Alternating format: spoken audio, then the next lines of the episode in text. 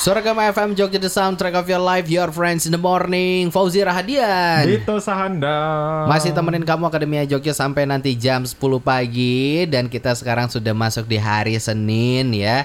Hari di mana memulai aktivitas lagi. Walaupun sekarang aktivitasnya di rumah aja ya. Di rumah aja karena kalau kata Kaniraras don't hate Monday. Don't hate Monday. Karena semua dimulai dari hari Senin. Betul Tanpa sekali. ada hari Senin kita nggak bakal ketemu yang sama namanya Selasa, Rabu, Kamis, Jumat, Sabtu dan juga Minggu ya. Ya iya dong Pak. Teorinya begitu Akademia Jogja dan memulai hari Senin ini walaupun di rumah aja kerjaan semua pokoknya dikerjakan secara em, digital gitu ya Akademia Jogja secara daring. Tetap kita harus eh, mendapatkan edukasi-edukasi yang bermanfaat dong. Edukasi yang bermanfaat itu sangat membantu buat bekal kita PPKM di rumah. Betul sekali, karena itu seperti biasa juga di Your Friends in the Morning Setiap hari Senin kita kedatangan guru yang sangat spesial sekali Ini guru kesayangan Your Friends in the Morning deh pokoknya ya Sudah ada guru eh, Pak Guru Deon dari Halo. Suaragama Training Center Selamat pagi Pak Guru Selamat pagi Dito Raras. Eh, Eh, Eh, Rara sudah bertransformasi ya kok sekarang jadi jadi rambutnya pendek sekali. Makanya aku juga kaget pagi-pagi Kamu apain tuh? Nah itu dia apa kemarin gara-gara main sulap-sulapan ya Iya, kemarin tuh kayak cantik sekali. Ini kok gimana kok? Iya abis masuk BP. Kalau kemarin kita ngelihat Rara subhanallah. iya, betul. Kalau ngelihat yang sekarang astagfirullahaladzim, amit-amit gitu ya. Aduh, Pak Guru gimana kemarin Aduh. weekendnya apakah menyenangkan? Weekendnya ya menyenangkan seperti minggu-minggu sebelumnya masih di rumah saja, nggak ke mana-mana. Terus ya apa namanya nemenin anak karena anak sudah mulai bosan Waduh. di rumah saja. Waduh. Dan hari-hari ini kan dihabiskan dengan apa namanya banyak dia akses gadget ya karena ya Hmm, ya hmm. Ya ini ini apa ya ini nggak ngomongin tentang parenting ya ya nggak usah dicontoh lah ya Ah, ah. karena orang tuanya juga capek nggak bisa harus ketemu eh, nggak harus apa ya nggak bisa selalu 24 jam Ah, ah. nemenin anak kan kan ada kerjaan Ah, ah. ada hal yang lain yang harus dikerjakan juga jadi kadang waktu-waktu itu terus kemudian ya udahlah anak dengan gadgetnya karena toh nggak boleh keluar nggak boleh Iya. main dengan teman-temannya ya itulah satu satu resiko ya Ah, ah, ah. Iya, kondisi iya, seperti ini Dulu orang tuanya Fauzi ya parentingnya mantep banget tuh. Mantep Ketika udah nggak bisa ngurus anak dikasih sama tetangganya. Betul. Dikasih sama tetangga saya. iya iya hasilnya kayak gini ya berarti Jadi Hasilnya seperti begini, ini. urak-urakan nggak jelas kehidupannya gitu Pak Guru. Jangan dicontoh makanya Iya, ya. iya, iya, iya. Baiklah Pak Guru, hari ini kita pengen belajar apa nih di sekolah Senin? Oke, hari ini kita akan membahas tentang satu sifat manusia yang eh, apa namanya termasuk dari tujuh dosa terbesar manusia. Waduh. Jadi kalau kita tahu Seven Sin, dulu sempat ada game yang Iya, cukup melegenda ya namanya Seven Sin. Jadi tujuh tujuh dosa manusia. Nah, salah satunya ngomongin tentang greedy Waduh. atau eh, apa serakah gitu ya. Oh. Karena kalau jadi dari tujuh tujuh dosa itu kan ada pride, kemudian greed, greedy, kemudian lust, envy, gluttony, wrath, and sloth. Mm. Nah, salah satunya adalah ngomongin tentang keserakahan. Nah, kenapa ngomongin tentang eh, serakah?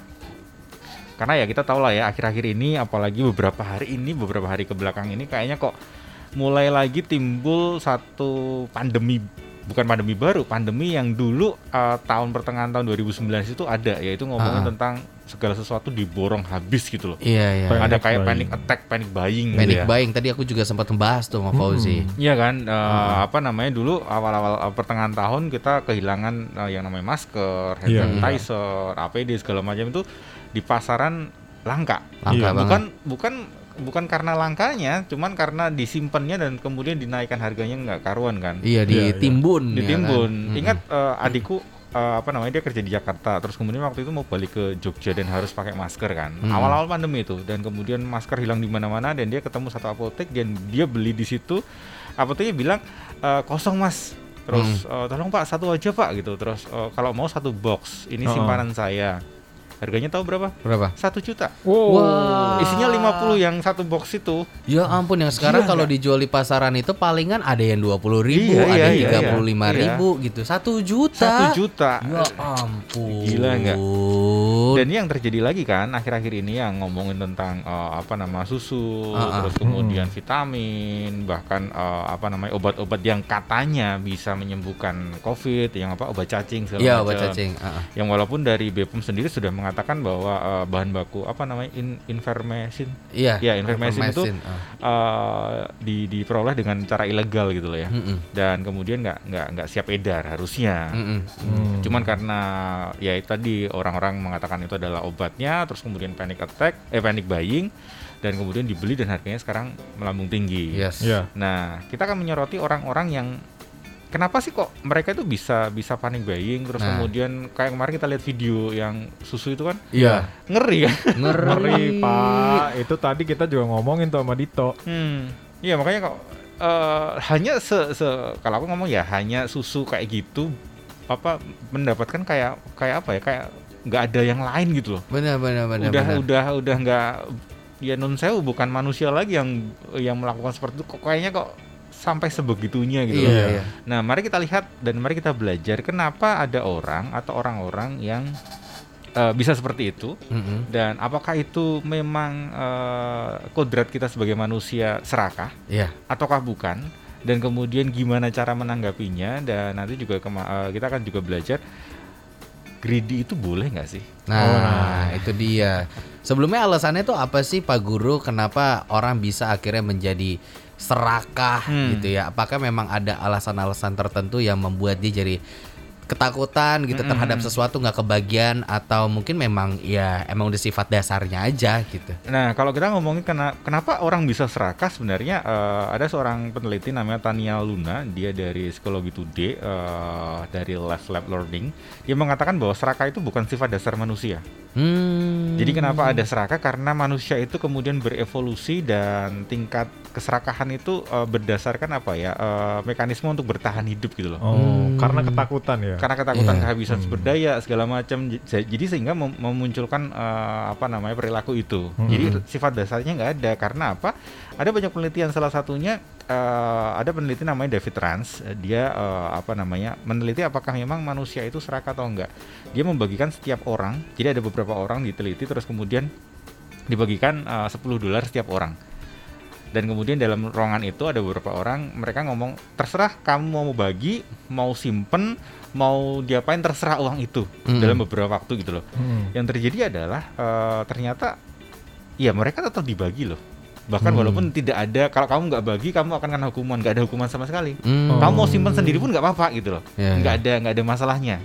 Da- dan kalau kita me- melihat itu kan mungkin akan banyak orang yang nyimpen kan Iya, karena tuh nggak ada hukumnya untuk berbagi kok Ah, toh ah. juga semuanya punya 10 dolar kok betul. Iya. ngapain aku harus berbagi Ah. kan gitu kan tapi ternyata rata-rata orang-orang di situ itu eh, uangnya tinggal 6 6 dolaran lah Hmm. jadi itu menunjukkan bahwa sifat kita sebenarnya nggak nggak nggak greedy cuman terus kemudian penelitian berlanjut ternyata sifat greedy itu eh, ada hubungannya dengan kecepatan kita mengambil keputusan Oke. jadi kalau semisal kita disuruh ngambil keputusan dengan cepat biasanya greedy itu akan hilang Oh. Tapi kalau waktunya semakin lama, sifat greedy itu semakin tu- tumbuh. Semisal gini deh, semisal Fauzi ataupun Dito gitu ya, Oke. dikasih 100 Mhm. juta. Ah, ah. Ini tak kasih 100 juta sekarang jebret. Pikirkan apa yang akan kamu lakukan dengan 100 juta. Saya mau nambahin renov Pak. ya namanya renov. Terus kemudian Mau bersedekah Pak. bersedekah, betul. Ah. Pasti ada ada ada unsur bersedekah, Yes. kasih orang tua, beliin Ah, ah. uh, suami, beliin istri, beliin anak segala macam betul kan? Iya. Iya. ada sesuatu yang akan dibagikan pada orang lain dan Ah. kalau kita lihat sekarang hasilnya apa namanya angkanya mungkin nggak kecil nggak cuma 100 ribu 200 ribu kan Betul. mungkin 10 juta 20 Makin juta tinggi. betul kan Mm-mm. sekarang coba berjalannya waktu 100 juta itu sudah di tangan lama kelamaan akan mikir aduh berat orang tua nanti ah, orang tuaku juga baik-baik saja kak Eh, ini buat yang lain dulu lah buat usaha dulu lah Beli HP ini beli dulu. HP ah. dulu inilah supaya nanti ya siapa tahu nanti dapat eh, bisnisku berkembang dengan HP baru dan Iya, uangnya iya, kemudian iya, tak iya. kasih ke orang tua Lebih banyak pertimbangan ya. lebih Iya, Kak? banyak iya, pertimbangan ya itu jadi ka- kalau ngomongin tentang greedy di penelitian ini ditunjukkan itu tergantung waktu Hmm. contoh kenapa kemarin si susu itu kemudian uh, orang pada heboh Karena, Karena- sebelumnya habis. karena ya. sebelumnya Habis. habis. dan orang berpikir segala macam jadi kemudian ya terjadi momen-momen seperti itu Hmm. Oke oke oke wah ini seru banget Akademia Jogja yang kita bahas pagi hari ini gitu ya Eh, tentang greedy yang di mana ini kita akan membahas lebih dalam lagi kalau kamu juga punya pertanyaan mungkin ya seputar kenapa sih manusia itu serakah banget? Atau pandangan kamu terhadap manusia yang serakah itu kayak gimana sih? Boleh banget diceritain ke 0811 250 1017 dan your friends the morning. Sekolah Senin bakal balik lagi setelah yang satu ini. Suara Gama.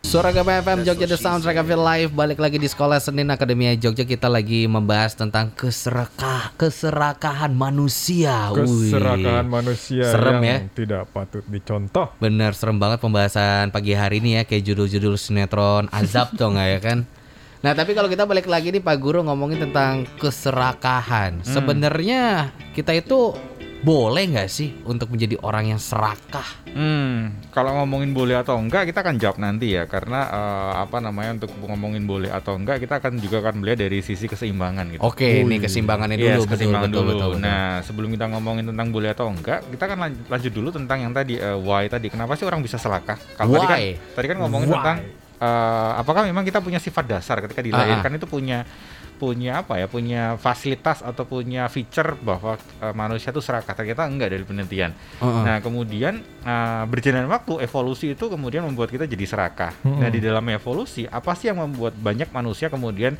muncul tuh rasa seka- se- uh, serakah? Heeh, heeh. Yang pertama adalah uh, orang-orang ini adalah orang-orang yang merasa tidak pernah cukup. Oh, tapi kan memang manusia tidak pernah puas, Pak Guru. Heeh. Makanya itu kan jadi uh, hasil dari evolusi kan. Iya. Jadi dulu ya kita nggak ngomongin ini ini benar atau ini salah ya evolusi ya. Hmm. Eh, kita ngomongin dari sisi sci- science gitu ya. Dulu ketika kita lihat nenek moyang kita dulu eh, apa namanya yang namanya makan ya makan buah sayur. Iya, Hmm. iya. Terus kemudian dia menemukan daging, eh ternyata daging bisa di, Olah dibakar, juga loh gitu ya. loh. Heeh. Terus kemudian berkembang, berkembang dan berkembang kan. Dan itu yang membuat kemudian orang semakin ada orang yang kemudian bisa mengatakan is enough, Mm. ada orang yang bi- eh, tidak bisa mengatakan is enough Kurang Iya, nih. betul, kurang terus nih jadi udah enak wah pengen gimana caranya enak segala eh, terus-terusan gitu loh sudah dapat eh, bagiannya gimana dapat bagian yang lebih lagi Enak, gitu loh ah. itu yang pertama orang-orang merasa tidak pernah puas.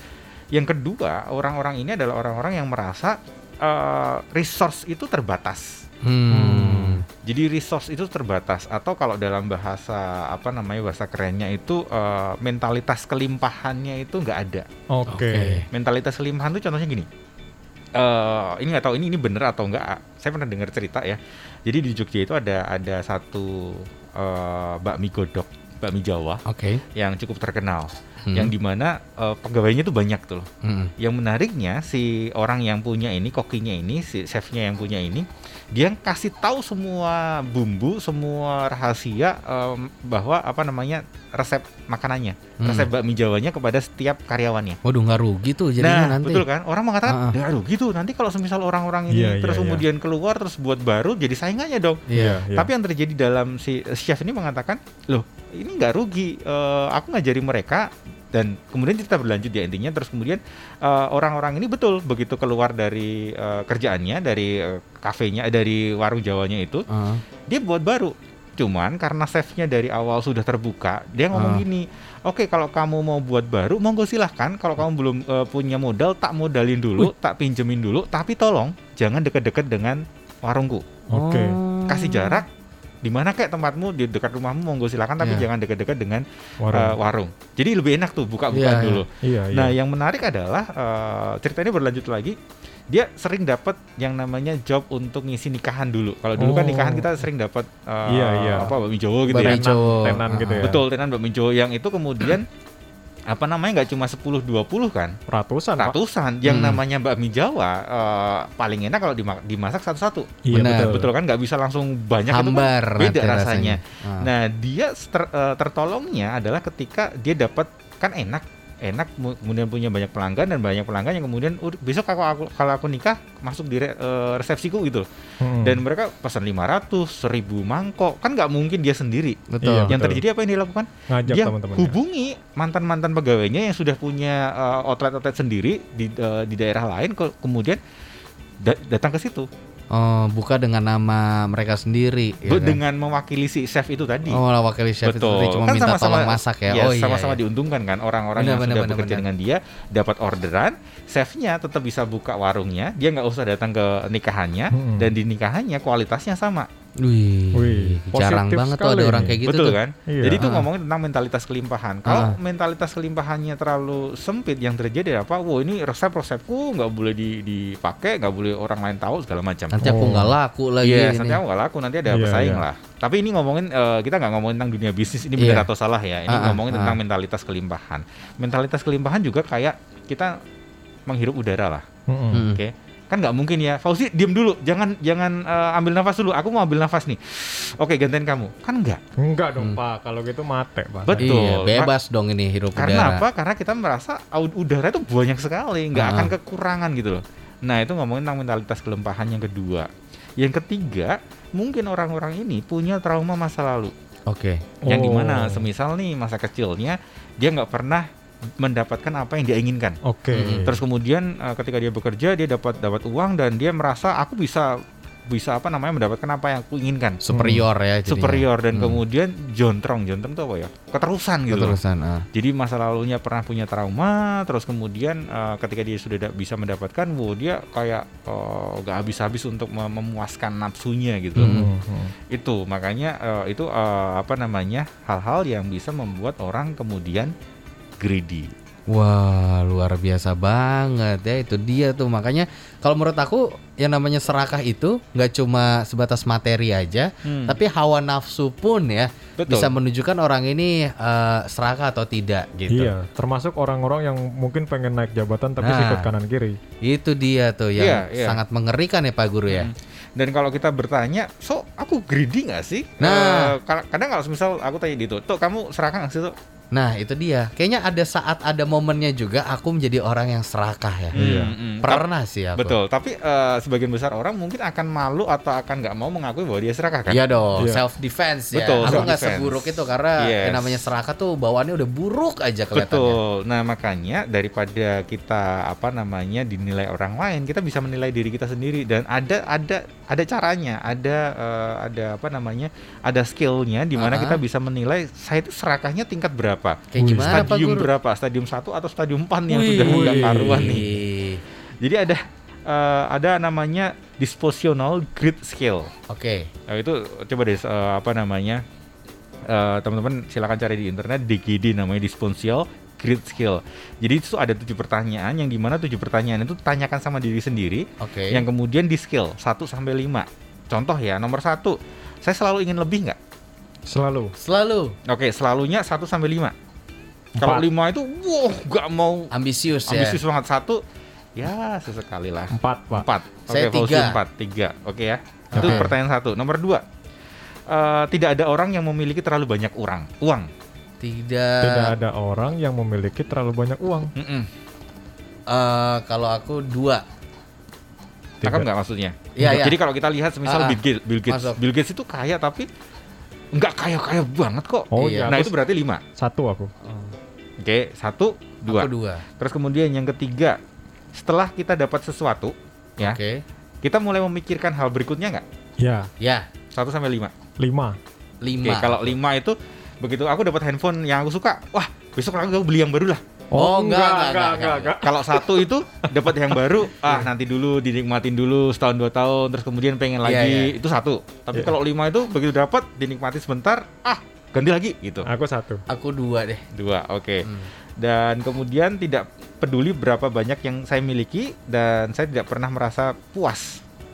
Jadi nggak peduli berapa berapa yang sudah saya miliki. Ah, ah. Jadi apa pun yang sudah saya miliki itu saya nggak saya nggak peduli. Hmm. Dalam arti eh, mau uang saya berapa, mau rumah saya seperti apa. Ya udahlah, jalanin yang yang aja. penting saya pengen dapat terus gitu loh Oh. dengan maksudnya tidak tidak mengucap syukur dengan apa yang sudah dimiliki Saya tiga deh. Tiga pak saya pak. oke Hmm. terus kemudian moto hidup saya adalah lebih banyak lebih baik yes or no 1 sampai 5 Lebih banyak, lebih baik. Mm-mm. Lebih banyak, lebih baik. Apa iya. dulu nih? Apa dulu? ya apa pun apa pun Iya sih kalau aku. Ya, Karena lebih banyak, lebih banyak manfaat juga. Pak. 1 Ya. sampai 5 empat.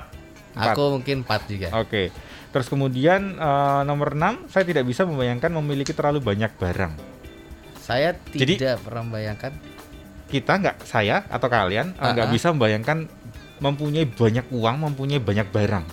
Tidak bisa membayangkan. Yes. Oh saya bisa pak. Bisa berarti satu. Satu. Kalau nggak bisa berarti lima. Semakin nggak bisa, kayak apa ya punya banyak uang? Iya. Kayak apa ya punya banyak Saya barang? bisa, saya bisa. Oke, berarti berarti angka di satu dua ya. Iya. Oke, yang terakhir. Sebenarnya ini jujur, aku serakah nggak sih? 1 sampai 5. Serakah pak.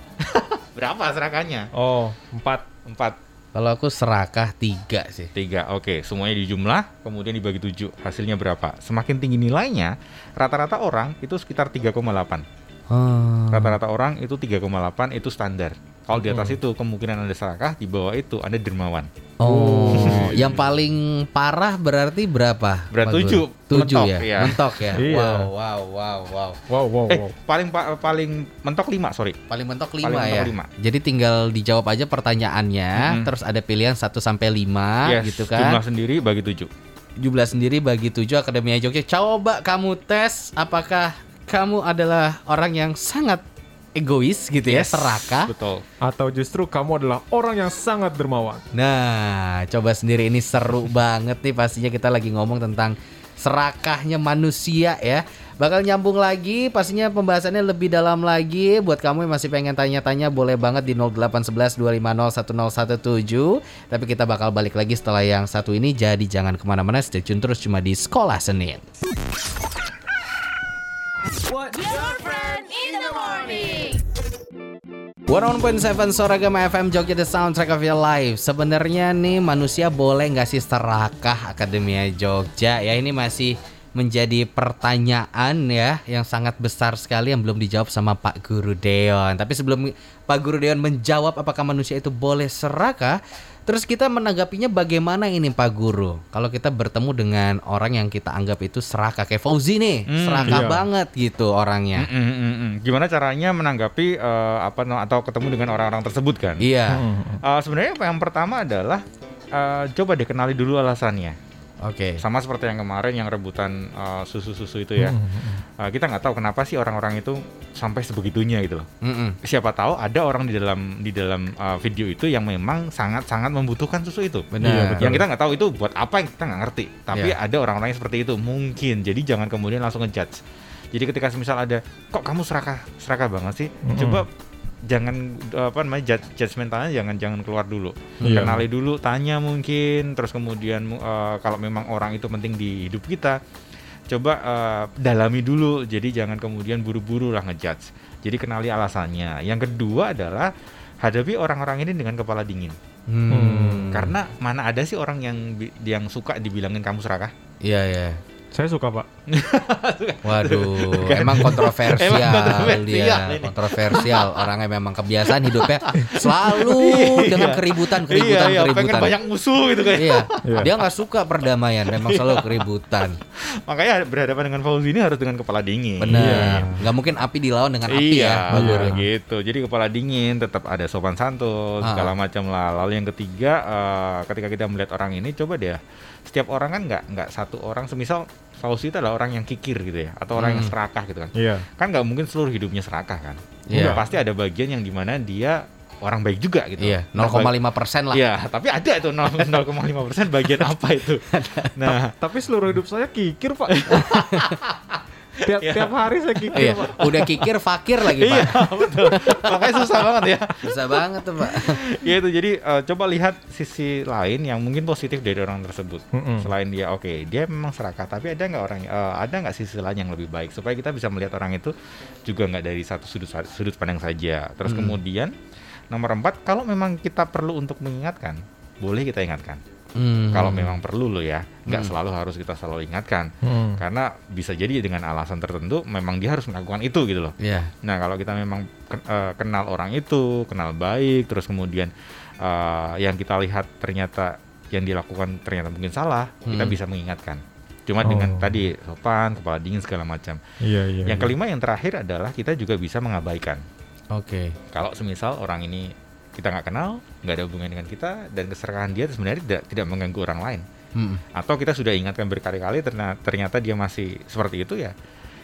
Ya sudahlah ya. eh, kalau dulu tuh ada ada istilahnya sem, lima sem kalau nggak kalau nggak kalau nggak salah. Yang pertama sem, sem eh, itu eh, sembuhkan. Mm-mm. Sembuhkan itu ya diomongin, eh sorry, semprotkan dulu. Semprotkan itu diomongkan. Terus kemudian sembuhkan. Sembuhkan nggak selesai, eh lupa apa lagi. Yang terakhir pokoknya di, di, didiamkan aja lah. Hmm. Seperti itu, diabaikan. Tapi abaikan itu adalah ter- langkah terakhir ya. Oke. Itu Oke. adalah dengan kalau kita ketemu dengan orang-orang yang serakah seperti itu. Lalu kalau kita ngomongin yang terakhir tadi pertanyaan Dito, apakah Nah, apakah boleh kita serakah gitu ya? boleh nggak sih Pak Guru karena kan kita hanyalah manusia biasa yang penuh dengan dosa. Iya betul. Apakah kita boleh serakah? Sebenarnya eh, kita melihat dari sisi yang sebaliknya. Dalam arti serakah itu tidak selalu konotasinya negatif. Ah, Tergantung objeknya apa dulu nih. Ya eh, apa namanya? Kita mungkin benci dengan orang-orang yang serakah, terus kemudian koruptor. Gitu. Koruptor kan serakah ya. Iya. Iya. Terus kemudian penimbun, eh, kriminal, pencuri segala macam atau orang-orang yang mungkin ada di dalam, dalam video kemarin kayaknya kita kita benci dengan mereka. Betul? betul. Tapi eh, apakah eh, kalau semisal kita membayangkan orang-orang itu koruptor segala macam itu nggak ada di dunia, kayaknya hidup kita akan tenang. Ah, Benar nggak? Betul. Iya betul banget. Nggak ada orang yang serakah itu kayaknya hidupnya tenang, aman, damai, sejahtera gitu ya. Iya. Nah, masalahnya ketika kita hidup aman, damai, sejahtera, tidak ada yang- orang yang serakah, yang terjadi adalah hidup kita akan stuck. Kita nggak akan bisa tuh eh, punya HP, punya laptop, punya lampu, punya mobil. Karena apa? Nggak Karena- ada orang yang ambisius. Oh. Tidak ada kompetisi, Pak Tidak ada Iya, kompetisi, tidak ada orang yang serakah untuk kemudian tidak puas dengan apa yang dia capai gitu. Iya, tapi kecuali itu tadi para koruptor itu Betul, itu ya. Kalau itu jelas tindakan kriminal Yes, serakahnya. betul. Makanya di sisi lain eh, apa namanya penemu-penemu kita itu bisa dibilang juga adalah mereka adalah orang yang serakah gitu loh. Oh. Iya, Karena betul, apa? betul. Karena semisal eh, kalau kita banyak dengan cerita tentang eh, Thomas Alva Edison yang Iya. menemukan bola lampu seribu kali percobaan. Ah. Kalau dia nggak serakah, serakah dua tiga kali percobaan udah udahlah Ah, nggak bisa udahlah. Diamkan lah. saja. diamkan saja. Buat apa diteruskan? Iya. Betul? Karena Iya. dia punya kesak keserakahan untuk tidak pernah puas dengan apa yang dia kerjakan. Dia kerjakan berkali-kali sampai akhirnya ketemu tuh bola lampu. Iya, iya. Iya. Kita bisa nikmati sekarang. Ah, ah. Jadi apa pun yang sekarang kita pakai, apa pun yang sekarang kita nikmatin itu adalah hasil dari keserakahan orang-orang yang memang ambisinya itu baik untuk kehidupan. Iya, serakah ilmu lah ya bisa Serakah dibilang. ilmu. Jadi balik lagi eh, apa namanya? Jadi serakah itu boleh nggak sih? Kalau menurut saya sih boleh aja, tetapi harus seimbang. Mm-mm. Dalam arti kita serakah di dalam bidang tertentu. Yang pertama tadi ngomongin tentang serakah motivasi, serakah eh, apa namanya eh, pencapaian, Hmm. kemudian serakah untuk eh, memperbaiki diri kita. Hmm. Itu boleh tuh untuk Hmm. serakah. Tetapi sisi baliknya keseimbangan harus juga terjadi yaitu kita juga dengan memberi. Betul. Dalam arti jangan hanya fokus untuk semisal let's say eh, karir aku sendiri gitu loh. Mm. Bolehlah berbagi gimana caranya karir kamu bisa meningkat kepada orang lain supaya orang lain juga bisa meningkatkan karirnya gitu. Iya, iya. Jadi bukan hanya untuk dirinya sendiri. Ah. Kayak dengan apa yang kita lakukan eh, setiap Senin kayak gini kan. Betul. Jadi ilmu-ilmu yang kita punya nggak nggak nggak cuma buat kita sendiri gitu loh, ah. tapi juga dibagikan supaya orang-orang di luar sana juga menerima apa yang kita punya. Jadi balik lagi serakah boleh, boleh asal yang positif. Berarti Yes. tidak boleh Pak Guru ketika ada orang serakah untuk karirnya di masa depan tapi menyikut kiri kanan. Nah, Betul, betul. Pada intinya adalah boleh serakah asal jangan merugikan Orang lain. pihak lain, orang Betul, lain ya. betul. Wow, boleh serakah asal ngajak-ngajak dong. Nah, jadi serakahnya bareng-bareng. iya, serakah dalam hal positif ya, berbagi ilmu segala macam. Seperti itu Akademia Jogja. Baiklah, terima kasih Pak Guru Deo. Terima kasih Dito Fauzi. Terima kasih Pak Guru. Ilmunya sangat bermanfaat sekali hari ini. Kita ketemu lagi minggu depan. Yes, dadah. dadah. Selamat pagi. Now it's time to Track of the week. track of the week.